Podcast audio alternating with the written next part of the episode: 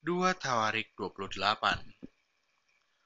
Raja Ahas Ahas berumur 20 tahun pada waktu ia menjadi raja, dan 16 tahun lamanya ia memerintah di Yerusalem.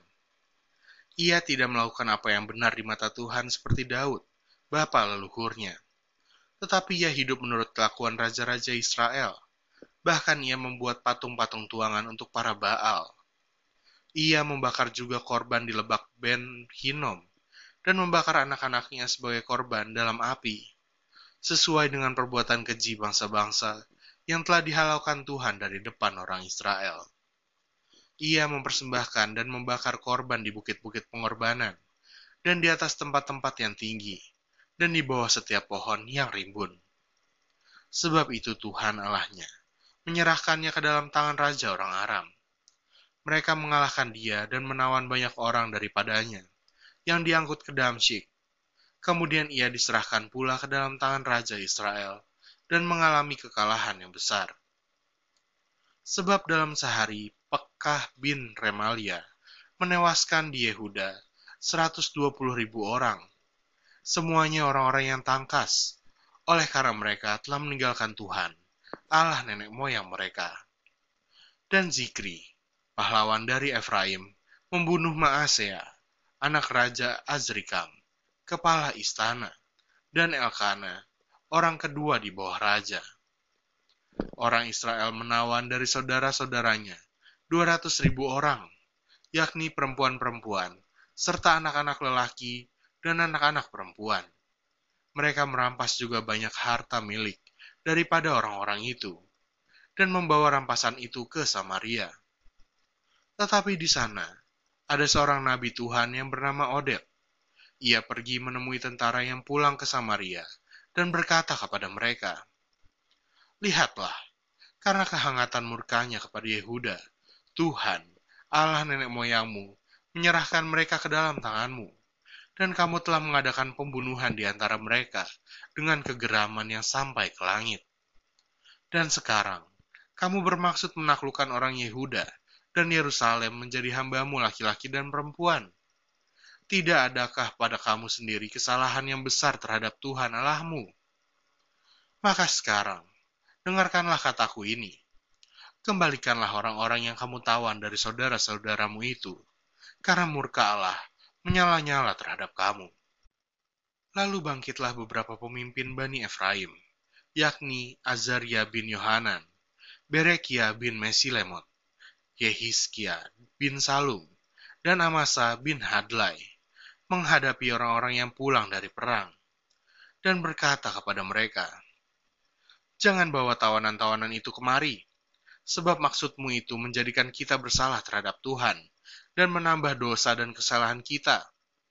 Sudah cukup besar kesalahan kita, dan murka yang menyala-nyala telah menimpa Israel.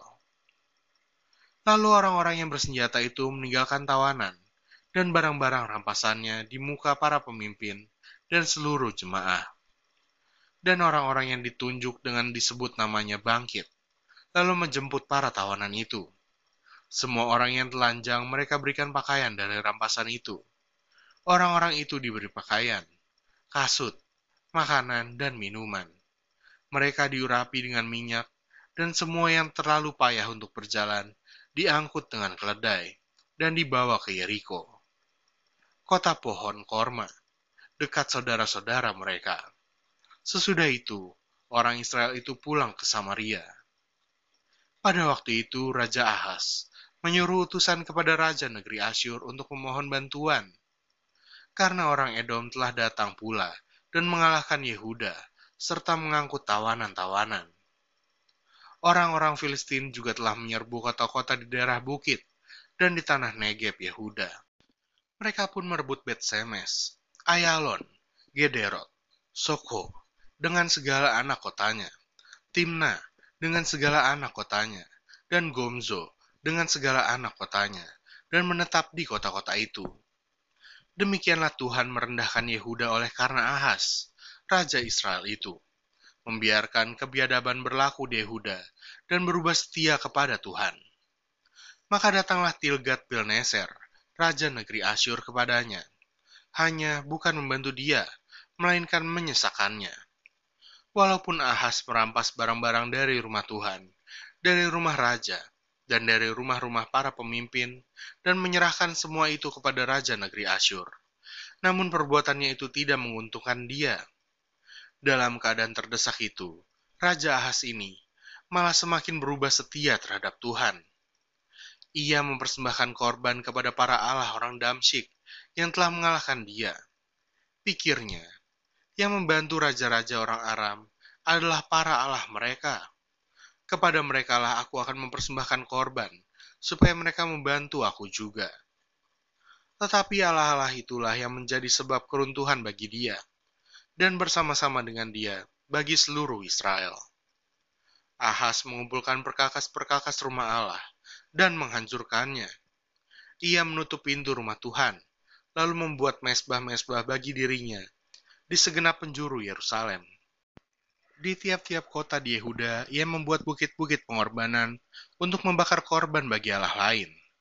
Dengan demikian, ia menyakiti hati Tuhan, Allah nenek moyangnya. Selebihnya dari riwayatnya dan seluruh tingkah langkahnya, dari awal sampai akhir, sesungguhnya semuanya itu tertulis dalam kitab Raja-Raja Yehuda dan Israel. Kemudian Ahas mendapat perhentian bersama-sama dengan nenek moyangnya dan dikuburkan di dalam kota di Yerusalem. Tetapi ia tidak dibawa ke pekuburan raja-raja Israel. Maka Hizkia, anaknya, menjadi raja menggantikan dia.